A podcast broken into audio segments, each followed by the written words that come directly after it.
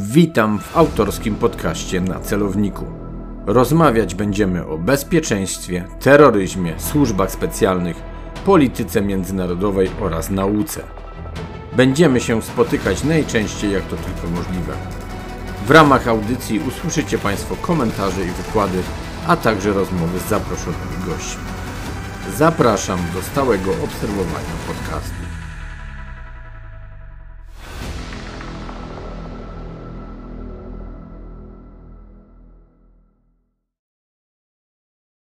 Przy mikrofonie Artur Dubiel, Wyższa Szkoła Bankowa. Dzisiaj gościem podcastu na celowniku jest konsul Marcin Krzyżanowski. Dzień dobry, witam. Dzień dobry panu, dzień dobry państwu.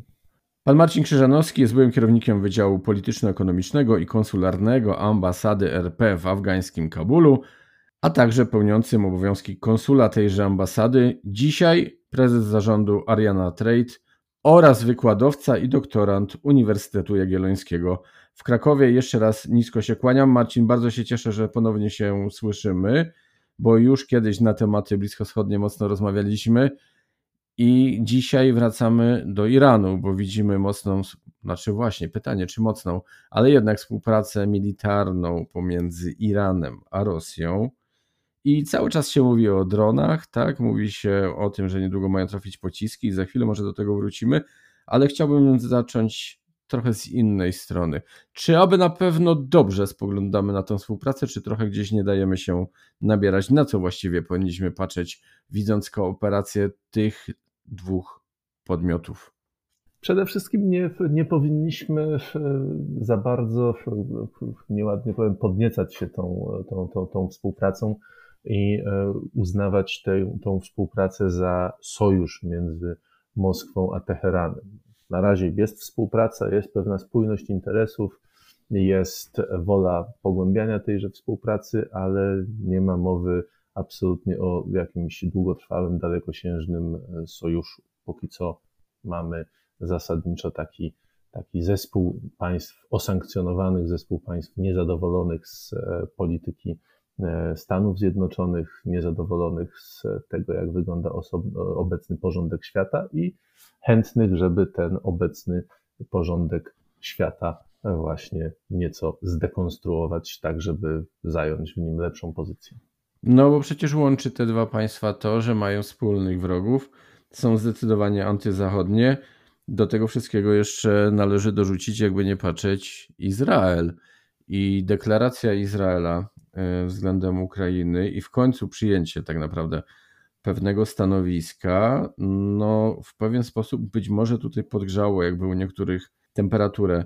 Czy tak naprawdę też ta sytuacja z tym, co Izrael jakby zrobił na arenie międzynarodowej, w sensie swojej deklaracji i określenia, co więcej, że w pewnych rzeczach będzie pomagał, konsultował, że oczywiście nie za bardzo chce wysyłać broń i być może należy go też w pewien sposób zrozumieć, bo może się obawia tego, co Zachód obawiał się na początku tej ponownej eskalacji wojny w Ukrainie, że jednak te wszystkie technologie, mechanizmy dotyczące chociażby żelaznej kupuły, zabezpieczenia ich nieba i tak dalej, no może mieć jakieś obawy, no i można się nad tym zastanawiać, ale czy faktycznie ten Izrael był taką formą, no nie chcę powiedzieć zapalnika, bo to by było trochę za duże słowo, ale jednak tego, że nagle wszyscy faktycznie zaczęli tym się interesować, no bo wcześniej umówmy się, przekazy medialne mówiły, no te drony, szachidy, one takie no jakość średnia, poszły pierwsze komunikaty ze strony ukraińskiej, że też są strącane, że nie najlepszy sprzęt. Dzisiaj jakby trochę świat na to wszystko inaczej patrzy. Jak, jak, jak ty to widzisz tak naprawdę? No, okazało się, że irańskie drony wcale nie są e, tak kiepskie, jakby się mogło wydawać. Może nie są to e, przysłowiowe kosmiczne technologie, ale wykazują się pomimo podatności na strącenia, pomimo swoich rozlicznych wad, no, okazują się bardzo dobrym narzędziem z bardzo dobrą relacją między kosztem a efektywnością. To jest jedna rzecz. Jeśli chodzi o Izrael, to tutaj sytuacja jest o tyle skomplikowana, że jest to właśnie jedna z rzeczy, które dzielą Rosję i, i Iran. To podejście, podejście Iranu do Izraela no jest, jest, jest, myślę, wszystkim znane. Jest on uznany za, tutaj cytuję irańskie media, za reżim sionistyczny, w łagodnym, w łagodnym wydaniu i bardziej już bardziej agresywnym jako rak, który toczy Bliski Wschód, ewentualnie jako pozostałość po państwach krzyżowców i pozostałość kolonializmu i imperializmu, najpierw brytyjskiego, później, później amerykańskiego. E, z drugiej strony Rosja może się pochwalić dobrymi, względnie nawet bardzo dobrymi, e, bardzo dobrymi relacjami e, z Izraelem. To jest, to jest kolejna sprawa. A jeszcze jedna istotna rzecz to to, że Izrael w tym momencie jest ogarnięty gorączką kolejnej zresztą w ciągu ostatnich kilku lat przedterminowej kampanii wyborczej. Rosyjscy Żydzi, których liczba wynosi około miliona, w około 10-milionowym Izraelu, e, są bardzo poważną, bardzo wpływową grupą nie tylko lobbystyczną, ale bardzo poważną grupą, e, grupą wyborców. W związku z tym, już abstrahując od relacji z Rosją jako takich, e, żadna z wiodących postaci izraelskiego życia politycznego, czy to, czy to Bennett, czy to Lapid, czy to w końcu Bibi Netanyahu, nie chcą zrazić do siebie tych wyborców, jakimiś deklaracjami, głębszymi deklaracjami poparcia dla Ukrainy, czy też nie daj, nie daj Bóg e, trans, wysyłką e, zaawansowanych systemów uzbrojenia tamże. Więc na pewno do wyborów pod tym względem nic się nie zmieni. Tutaj właśnie Izrael jest o tyle istotnym graczem, że bardzo uważnie siłą rzeczy obserwuje to, co, to, co robi Iran, to, co wysyła Iran za granicę, czy to do Rosji, czy to do Jemenu, czy też wreszcie do e, Libanu i Syrii. E, przy czym z izraelskiego punktu widzenia problemem nie jest to, że e, Iran wysyła drony czy też e, inny sprzęt wojskowy, bo prawdopodobnie wkrótce zacznie to robić do Rosji. Problemem jest to, co Iran ewentualnie mógłby od Rosji otrzymać w zamian. A Iran już od kilku lat, jeszcze w czasach, kiedy toczyły się negocjacje w sprawie ożywienia umowy nuklearnej, to Iran ostrzył sobie zęby na, e, na rosyjskie systemy przeciwlotnicze, w szczególności na S-300 i S-400.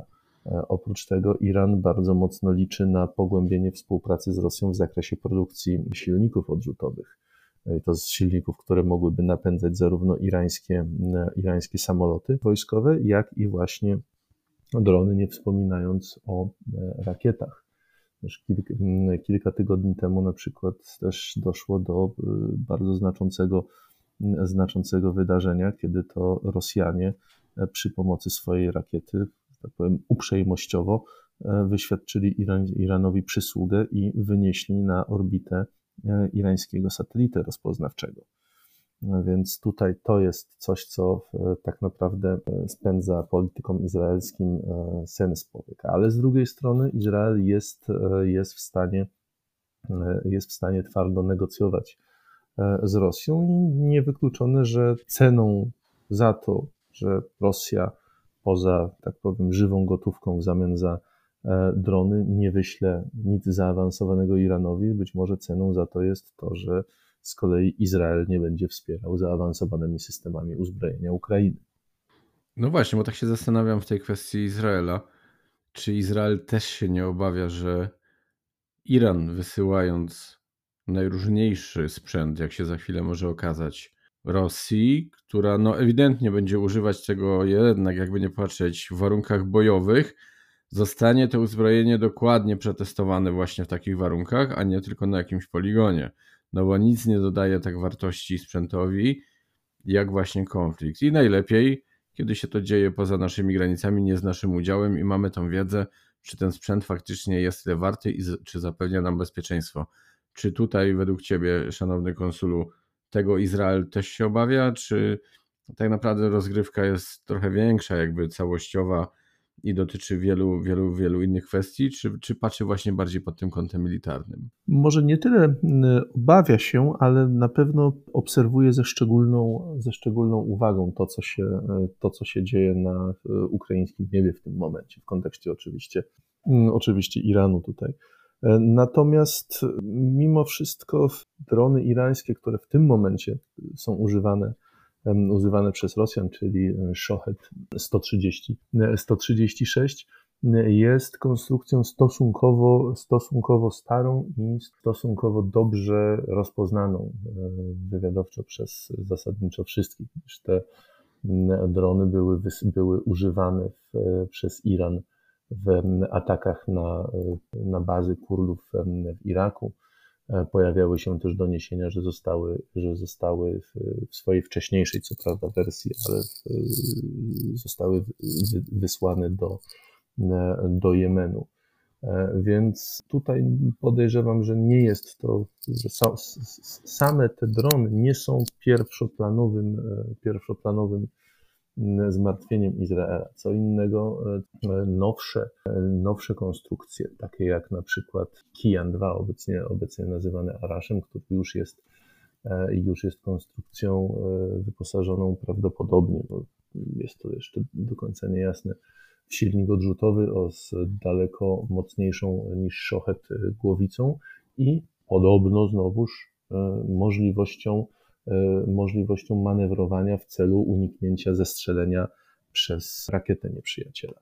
Więc to, owszem, to, by, to stanowi dla Izraela pewną, pewną zagwozdkę i pewne zagrożenie, ale tutaj powtórzę, pierwszoplanowym zmartwieniem w, w kontekście współpracy militarnej rosyjsko-irańskiej jest to, co ewentualnie Rosja wysłałaby do Iranu ze swojej strony. To, w jaki sposób Rosja byłaby w stanie no, wzmocnić militarnie, militarnie Iran. Irańczycy mocami własnego przemysłu byli w stanie e, no, wejść tak naprawdę do e, czołówki państw produkujących i operujących dronami, ale jednak z racji znowuż e, sankcji, te konstrukcje, konstrukcje irańskie mają sporo wad. Przede wszystkim e, mają problem z częściami wysokiej, wysokiej jakości.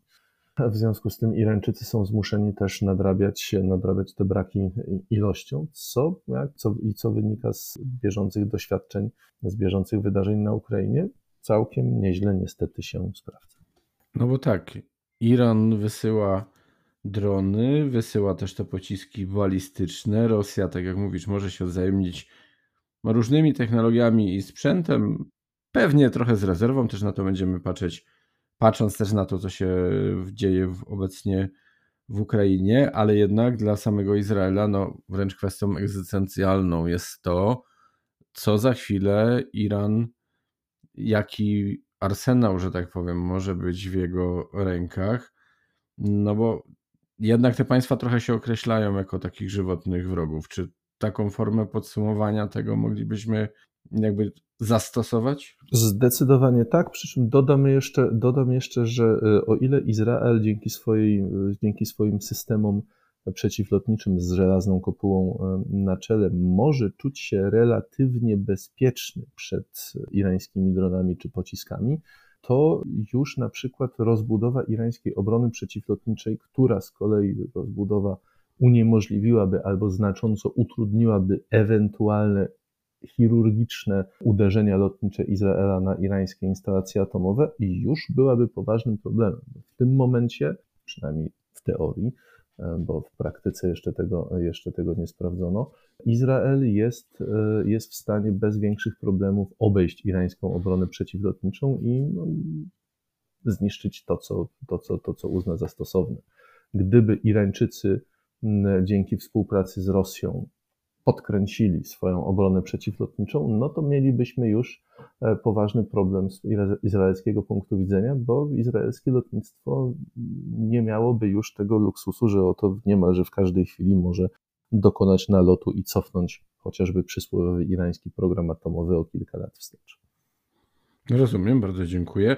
Zapomniałem o jeszcze jednej rzeczy dodać. Trochę, nie wiem czy śmiesznej, nieśmiesznej, ale Rosja bardzo mocno się zarzekała, że irańskich przecież dronów wcale tam nie ma, że nie ma właściwie całej tej współpracy.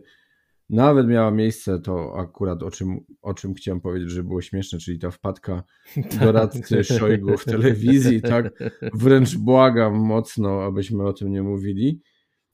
Pojawiła się informacja, że zginęło bodajże 10 instruktorów, zaznaczam to tak trochę w cudzysłowie, irańskich oczywiście i tak w pierwszej chwili zastanawiałem się dość mocno, czy zginęli, ponieważ Ukraińcom udało się bardzo szybko odpowiedzieć na przeprowadzany czy przeprowadzony atak, czy zginęli dlatego, bo Ukraina za wszelką cenę chciała udowodnić, że Iran jest w pewien sposób obecny na jej terytorium. No bo pamiętajmy i bierzmy to pod uwagę, że Ukraina też prowadzi swoje działania w infosferze, też prowadzi pewne działania e, propagandowe, czy, czy w ramach właśnie wo, wo, walki, wojny informacyjnej. I czy właśnie Ukraina szukała tak naprawdę dowodu, znaczy inaczej, czy chciała dowód pokazać światu, czy po prostu był to efekt szybkiej odpowiedzi? Jak, jak ty to spoglądasz? Bo mi, tak jak wspomniałem wcześniej, to pierwsze takie pytanie jakby się w głowie urodziło, kiedy się dowiedziałem o śmierci tychże instruktorów. Których wcale tam nie było. E, tak, tak, oczywiście. Bo oczywiście zarówno, zarówno Rosjanie, jak i Iran wypierają się, e, wypierają się z uporem godnym lepszej sprawy, zarówno w, zarówno w współpracy w zakresie, w zakresie dronów, jak i tym bardziej obecności e, Irańczyków na e, teatrze, teatrze działań. Wydaje mi się, że raczej ta pierwsza opcja, czyli po prostu, no, no, można powiedzieć, przypadkowy, przypadkowy traf w odpowiedzi atak. To, że Irańczycy są tam obecni, czy jako doradcy techniczni, czy jako przysłowiowi mechanicy, czy też obserwatorzy, bo to też trzeba. Konsultanci. Konsul, o, kons, myślę, że konsultanci to najlepsze, najlepsze określenie. To nie ulega, nie ulega wątpliwości, już raz, że E, Rosjanie nie są jeszcze w 100% e, obeznani i zaznajomieni ze sprzętem, który, no, jak już wspomniałem, lubi się popsuć, lubi, się, lubi kaprysić.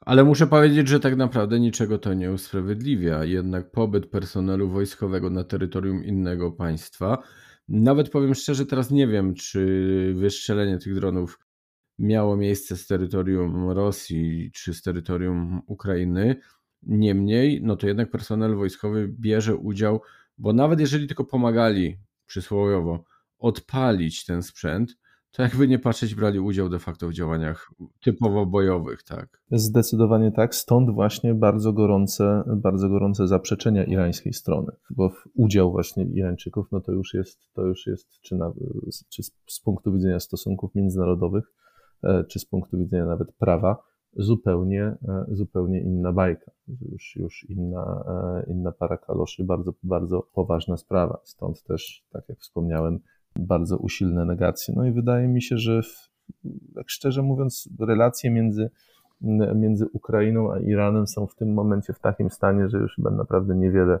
może je pogorszyć, bo musimy pamiętać, że E, z jednej strony mamy jeszcze poprzedzającą e, wybuch, wybuch wojny, pogłębioną współpracę z Rosją. Mamy dostawy dronów, których nie ma. Mamy udział irańskich konsultantów w, w atakach na Ukrainę, których to konsultantów oczywiście też nie ma ale warto pamiętać o tym, że już no, dwa lata temu, przepraszam, trzy lata temu został przez Irańczyków zestrzelony ukraiński samolot pasażerski, co no, delikatnie mówiąc e, nie pomogło e, w, w budowaniu wzajemnych, wzajemnych relacji. Więc w tym momencie relacje Iranu e, i Ukrainy są, że nawet trudno powiedzieć, żeby były napięte. One zostały zasadniczo niemalże zlikwidowane do minimum zostawiono, zostawiono szkieletowe, e, szkieletowe ambasady tak tylko, żeby zapewnić jakiś minimalny poziom komunikacji, w razie czego wezwa, obydwa kraje wzajemnie wezwały swoich obywateli do opuszczenia e, Iranu i Ukrainy odpowiednio. Więc tutaj już została wykopana bardzo głęboka przepaść relacyjna. A może być tak, że tak de facto to Iran naciskał Rosję aby ona negowała tak naprawdę właśnie, że Iran jest zaangażowany w tę wojnę? Czy może być tak, że Iran mimo wszystko nie chciał już pogarszać właśnie już tych no nawet nie napiętych stosunków, tylko jak sam zauważyłeś, właściwie nieistniejących w pewien sposób, żeby jednak Ukraina nie miała dalszych argumentów do no nie chcę powiedzieć, że pogarszania, bo, bo tak jak mówimy, nie ma właściwie co pogarszać, bo de facto Iran też w pewien sposób bierze w tym momencie udział w agresji na Ukrainę, ale czy podsumowując, Rosja sama z siebie zarzekała się tego, że się też kieruje, bo to może kwestia wizerunkowa, że Myślę, Rosjanie że tak. nie chcą, tak, żeby, żeby świat myślał, że z Iranu i z Korei Północnej, tak, że gdzieś tam próbują broń y, pozyskiwać, czy bardziej też Iran jednak, dobra, damy wam, pomożemy wam i tak dalej, i tak dalej, ale nie mówmy o tym głośno, róbmy wszystko, żeby się o tym nie mówiło.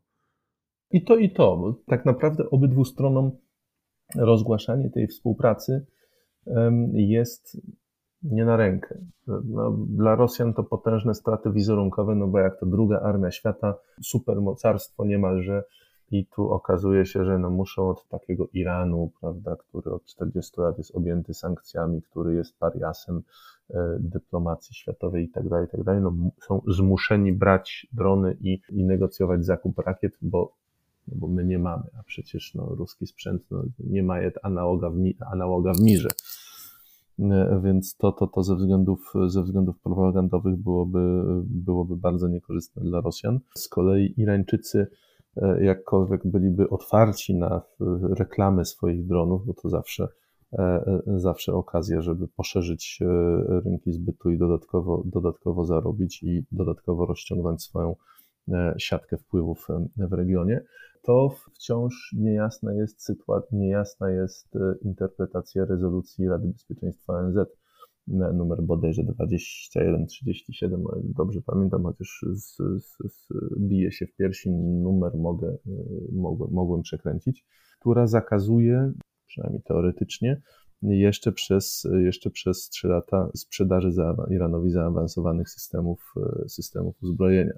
Więc dla świętego spokoju Irańczycy też e, odżegnują się od tego, że wysyłają, e, wysyłają drony e, na Ukrainę, że sprzedają drony, drony Rosji.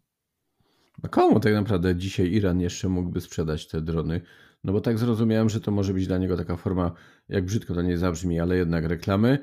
No ale w sumie, no, no sam stwierdziłeś, tak? Kolejka jest długa, no to żeby nie, że zaczynając od podstaw, Irańczycy już w tym momencie, od maja, tak od maja tego roku, y, mają fabrykę, montownię ściślej mówiąc, y, dronów w Tadżykistanie.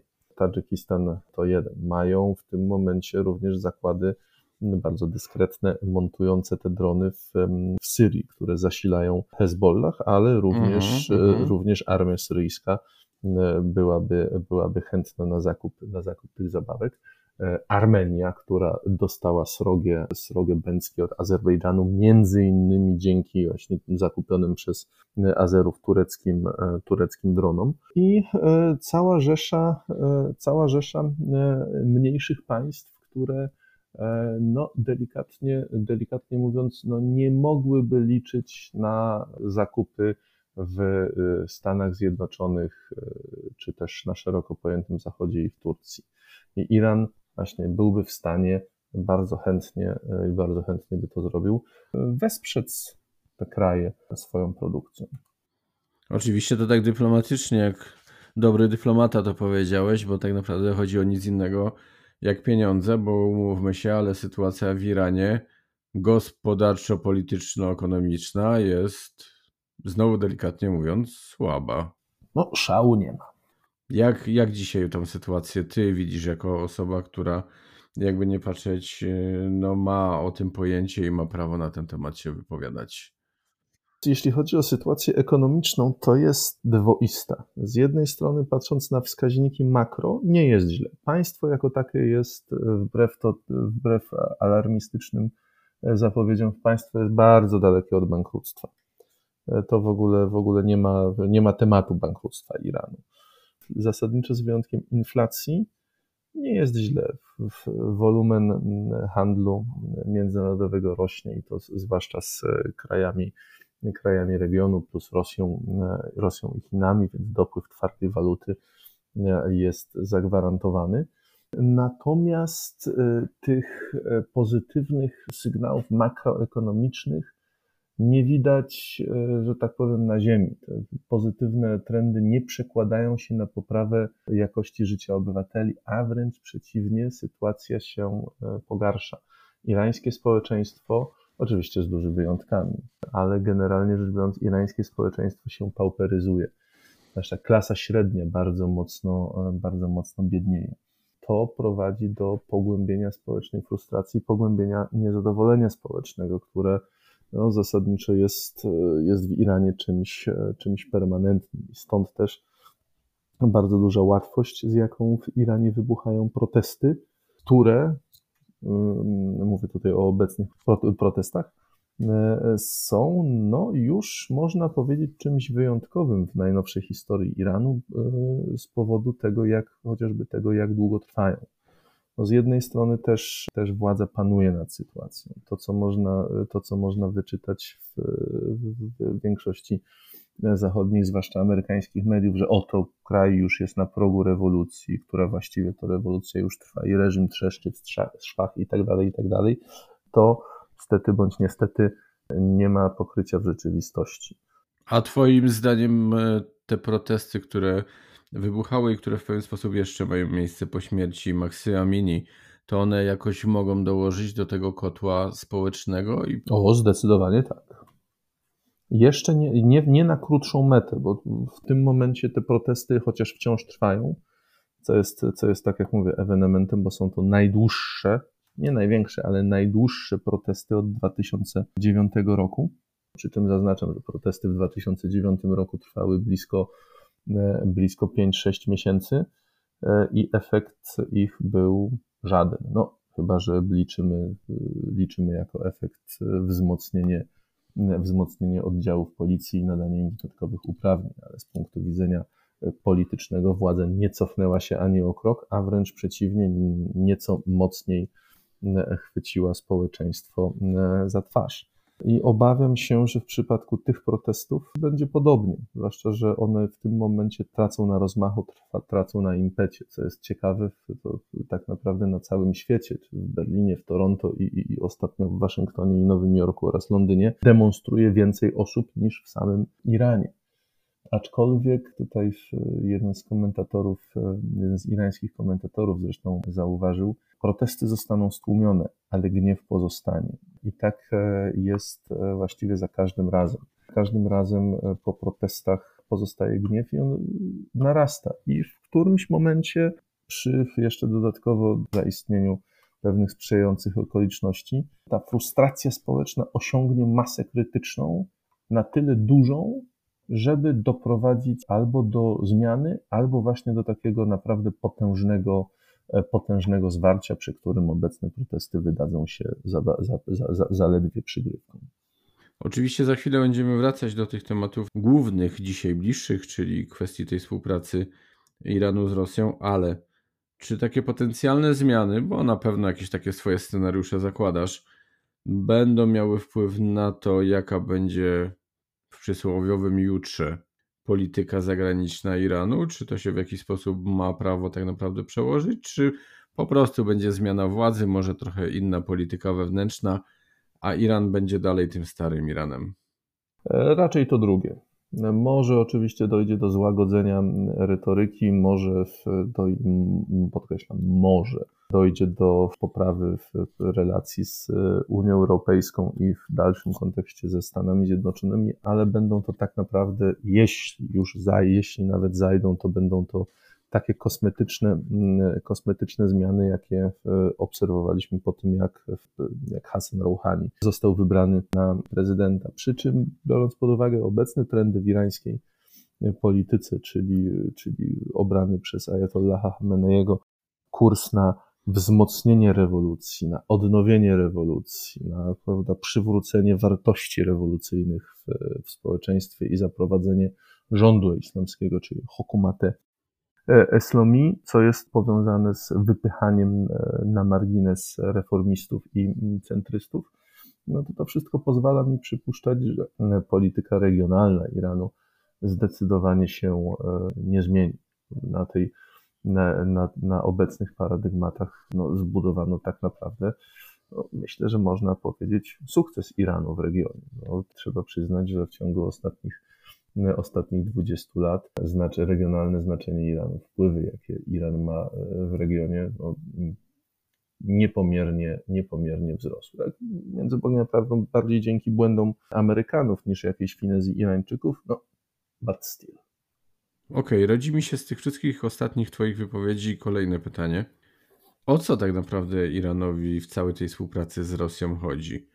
O te technologie, o których mówiłeś, które mogą z Rosji uzyskać i co do których możemy mieć pewne wątpliwości o pieniądze za sprzedaż tego sprzętu?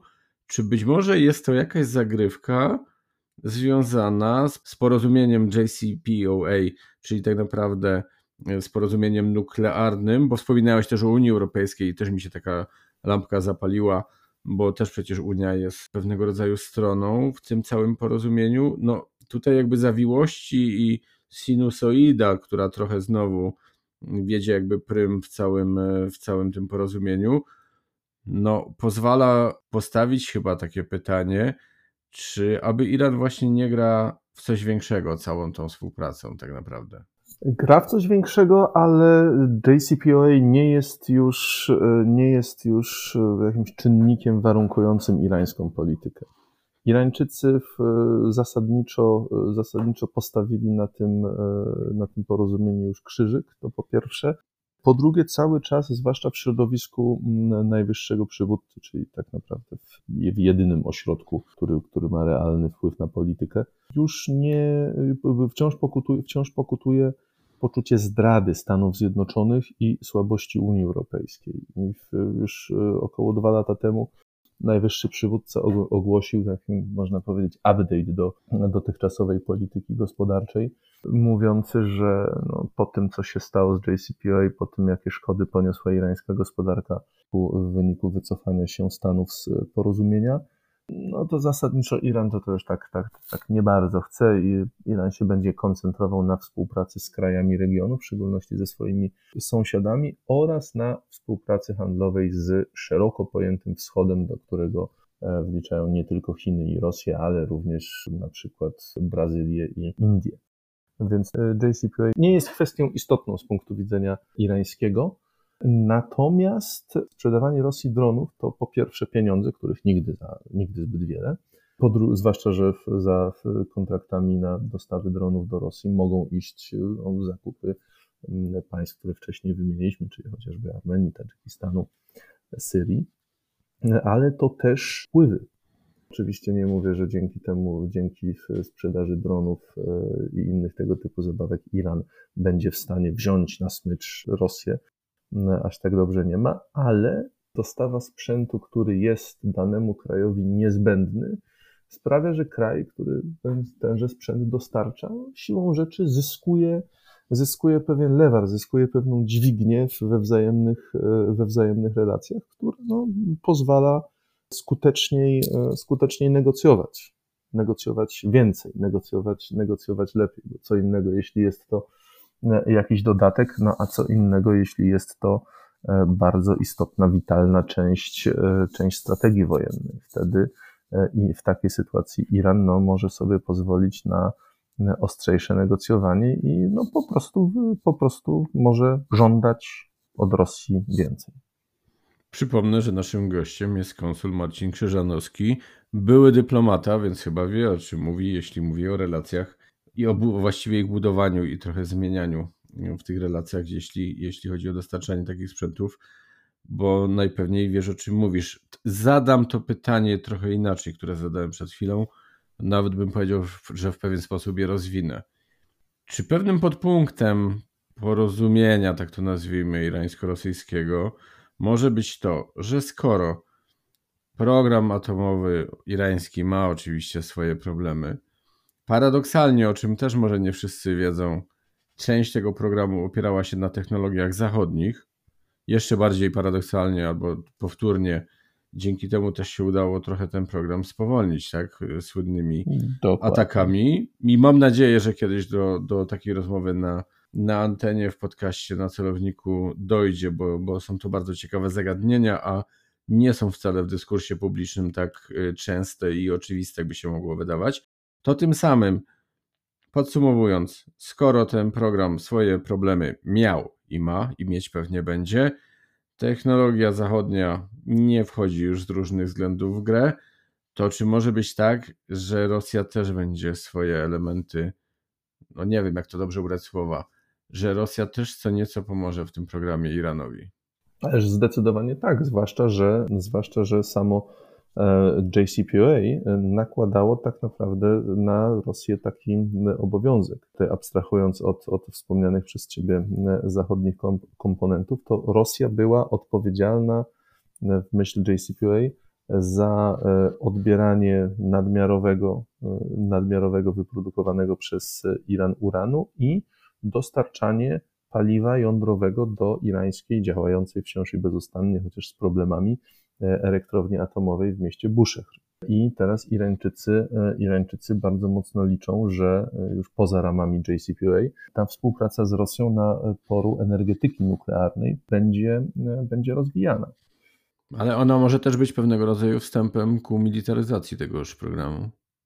Oczywiście, z, z tym, że przyznam, że wątpię, żeby Rosja była zainteresowana współpracą na tym polu. Z punktu widzenia każdego posiadacza broni nuklearnej, bardzo istotnym jest, żeby jak najmniej krajów ją posiadało. Pełna zgoda, przy czym niektórzy obserwatorzy podkreślają, że Iran i tak do tego dojdzie. No ja przyznam, że tutaj, tutaj hmm, nie tyle jestem sceptyczny, co, e, co mam wątpliwości. Mi się wydaje, że Iran zadowoli się z statusem tak zwanego państwa progowego, czyli państwa, które nie posiada broni nuklearnej jako takiej, ale posiada środki jej przenoszenia. W tym irańskim przypadku będą to, będą to rakiety. I e, który ma na tyle materiału, rozszczepialnego, żeby taką broń stworzyć i który ma technologię pozwalającą w stosunkowo krótkim czasie, liczonym, liczonym no powiedzmy bardziej w miesiącach niż latach, w razie niebezpieczeństwa taką bombę, e, taką bombę stworzyć.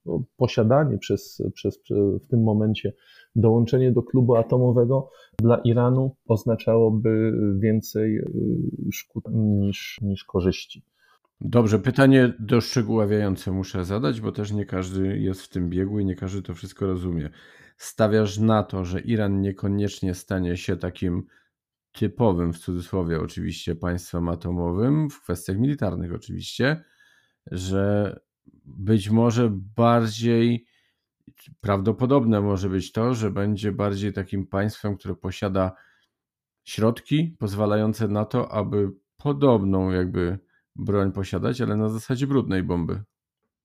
Raczej tak, raczej to, raczej to drugie, przy czym też e, militaryzacja tego irańskiego programu nuklearnego jest, znaczy pełna militaryzacja, e, czy też militarne wykorzystanie e, jest dla mnie wątpliwe. Już tak jak, tak jak powiedziałeś, z jednej strony, z jednej strony brudna bomba, z drugiej strony, jak, jak wspomniałem, państwo progowe, czyli mogące w razie E, w razie zaostrzenia się sytuacji międzynarodowej taką broń wyprodukować i, i, i, i, e, i używać jej no raczej jako straszaka, nie czarujmy się, niż jako faktycznej broni.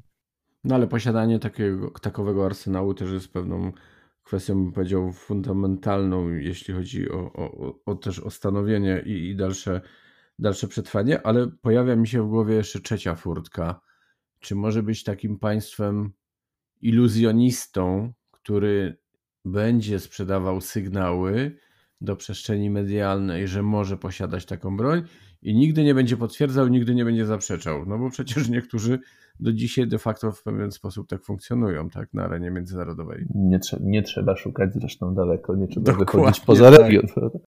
E, raczej, raczej, raczej wątpię, biorąc pod uwagę, biorąc pod uwagę to, ile e, eufemistycznie rzecz, rzecz metaforycznie rzecz ujmując, ile ile satelitów jest wycelowanych w Iran i jak bardzo mocno ten, ten, ten, ten program e, nuklearny Iranu jest e, śledzony przez bardzo wiele ciekawskich oczu, znowuż też nie trzeba daleko szukać. Wątpię, żeby Iranowi udało się ukryć fakt posiadania broni nuklearnej. W związku z tym myślę, że tak jak, tak, tak jak zresztą powiedziałem, że no zadowoli się, zadowoli się statusem państwa progowego, E, bo tak naprawdę oznacza, oznacza on maksymalizację korzyści. Z jednej strony cały czas jest ten straszak, że owszem, nie mamy, ale bardzo szybko mieć możemy. Więc dogadajmy się tak, żebyśmy nie musieli, nie musieli mieć. I to będzie, to będzie szansą, e, szansą dla Iranu, to będzie szansą na zachowanie tak naprawdę pola manewru, no bo w momencie, w momencie, kiedy Iran stworzyłby swoją bombę atomową, no tak naprawdę już no, jest za późno na jakiekolwiek negocjacje. Przy czym też jeszcze raz podkreślę, zarówno nie, nie, tylko, nie tylko nieprzyjaciele Iranu z, z, ze Stanami i Izraelem na czele, ale również poplecznicy Iranu, czyli w tym momencie Rosja i Chiny bardzo niechętnie widziałyby, widziałyby Iran uzbrojony w broń nuklearną. To wychodząc z tego punktu widzenia, kolejne pytanie. Obawiać się Iranu jako świat, Iranu tego jutrzejszego, trochę, może nie dzisiaj, i czy tak naprawdę powinniśmy się obawiać też tej współpracy militarnej na, pomiędzy tymi dwoma podmiotami, czyli między Iranem i Rosją? Coś to tak naprawdę pozmienia, czy poziom tej współpracy, jakby jej potencjał jest, no nie chcę powiedzieć, że znikomy, tak, bo jednak nie, niesie to śmierć na ukraińskiej ziemi, ale czy w dyskursie nie za bardzo widzimy to jako coś zbyt dużego niż jest w rzeczywistości? Czy w przyszłości może przynieść faktycznie zagrożenie, powinniśmy się tym niepokoić, czy po prostu przyjąć do wiadomości, że w sumie oni między sobą coś tam robią i pewnie będą robić trochę więcej, ale, ale niespecjalnie się tym przejmować? Coś pośredniego. Z jednej strony, przynajmniej uwzględniając obecny poziom tej współpracy, trendy i wam prognozując średniookresowo, bardzo wątpię, żeby ta współpraca, współpraca militarna między Rosją a Iranem doprowadziła do jakiegoś przełomu, czy to na, czy to na frontach Ukrainy, czy to w, na Bliskim Wschodzie. Aczkolwiek nie jest to też e, jakiś drobiażdżek, na który, e, na który można machnąć ręką. E, zwłaszcza jeśli dojdzie do sytuacji, kiedy ta współpraca się utrzyma no, w, dłuższej, w dłuższej perspektywie. Wtedy Iran będzie no, po prostu rosł, rósł w siłę będzie miał dużo większe możliwości oddziaływania na region, czy też jak to woli destabilizacji regionu, chociaż słowo destabilizacja moim zdaniem do Bliskiego Wschodu bardzo nie pasuje, bo, bo nie ma tam stabilizacji. Tak, dokładnie. Jest pewien status quo co najwyżej. Z kolei Rosja będzie miała, będzie miała większe możliwości w, no, w, no, niszczenia Ukrainy i, i prowadzenia z nią, z nią wojny.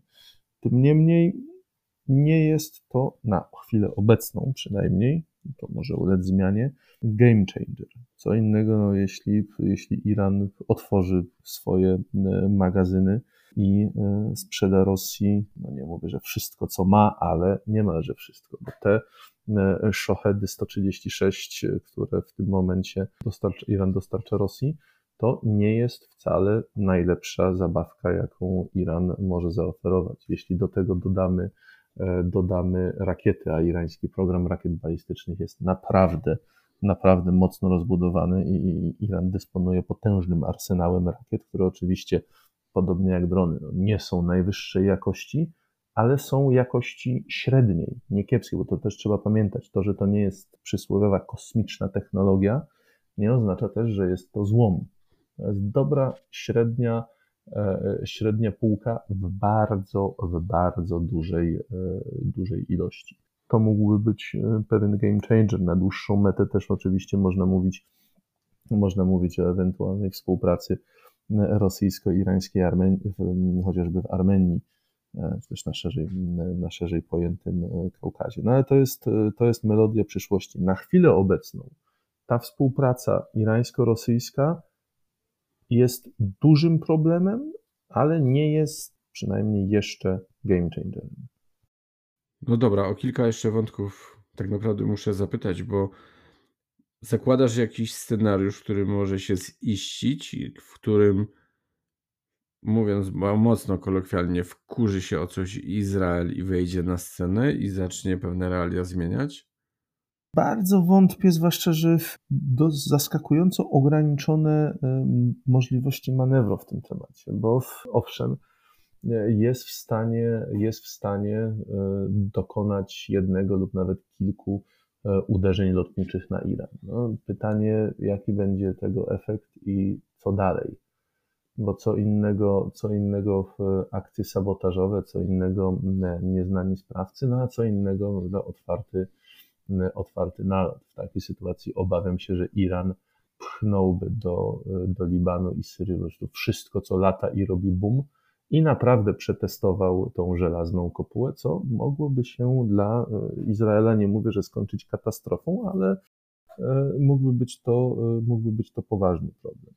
Z drugiej strony Izrael, pomimo tego, że, jak już wspomniałem wcześniej, ma możliwości nacisku na Rosję, ma możliwości efektywnego negocjowania z Rosją, no, też nie jest w stanie, nie jest w stanie w Rosji zaproponować tak naprawdę no, żadnej marchewki, ani między Bogiem a prawdą żadnego wystarczającego dużego kija, żeby tą współpracę z Iranem E, zerwać.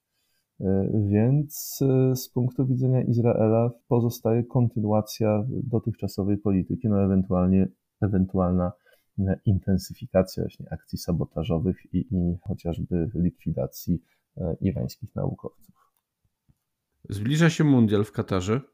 Przy tej okazji wielu podkreśla, że dojdzie do bardzo wielu spotkań i nie chodzi wcale o piłkę nożną bo jednak zjadą się liderzy z wielu państw, różne ważne persony, przy okazji też de facto środki decyzyjne.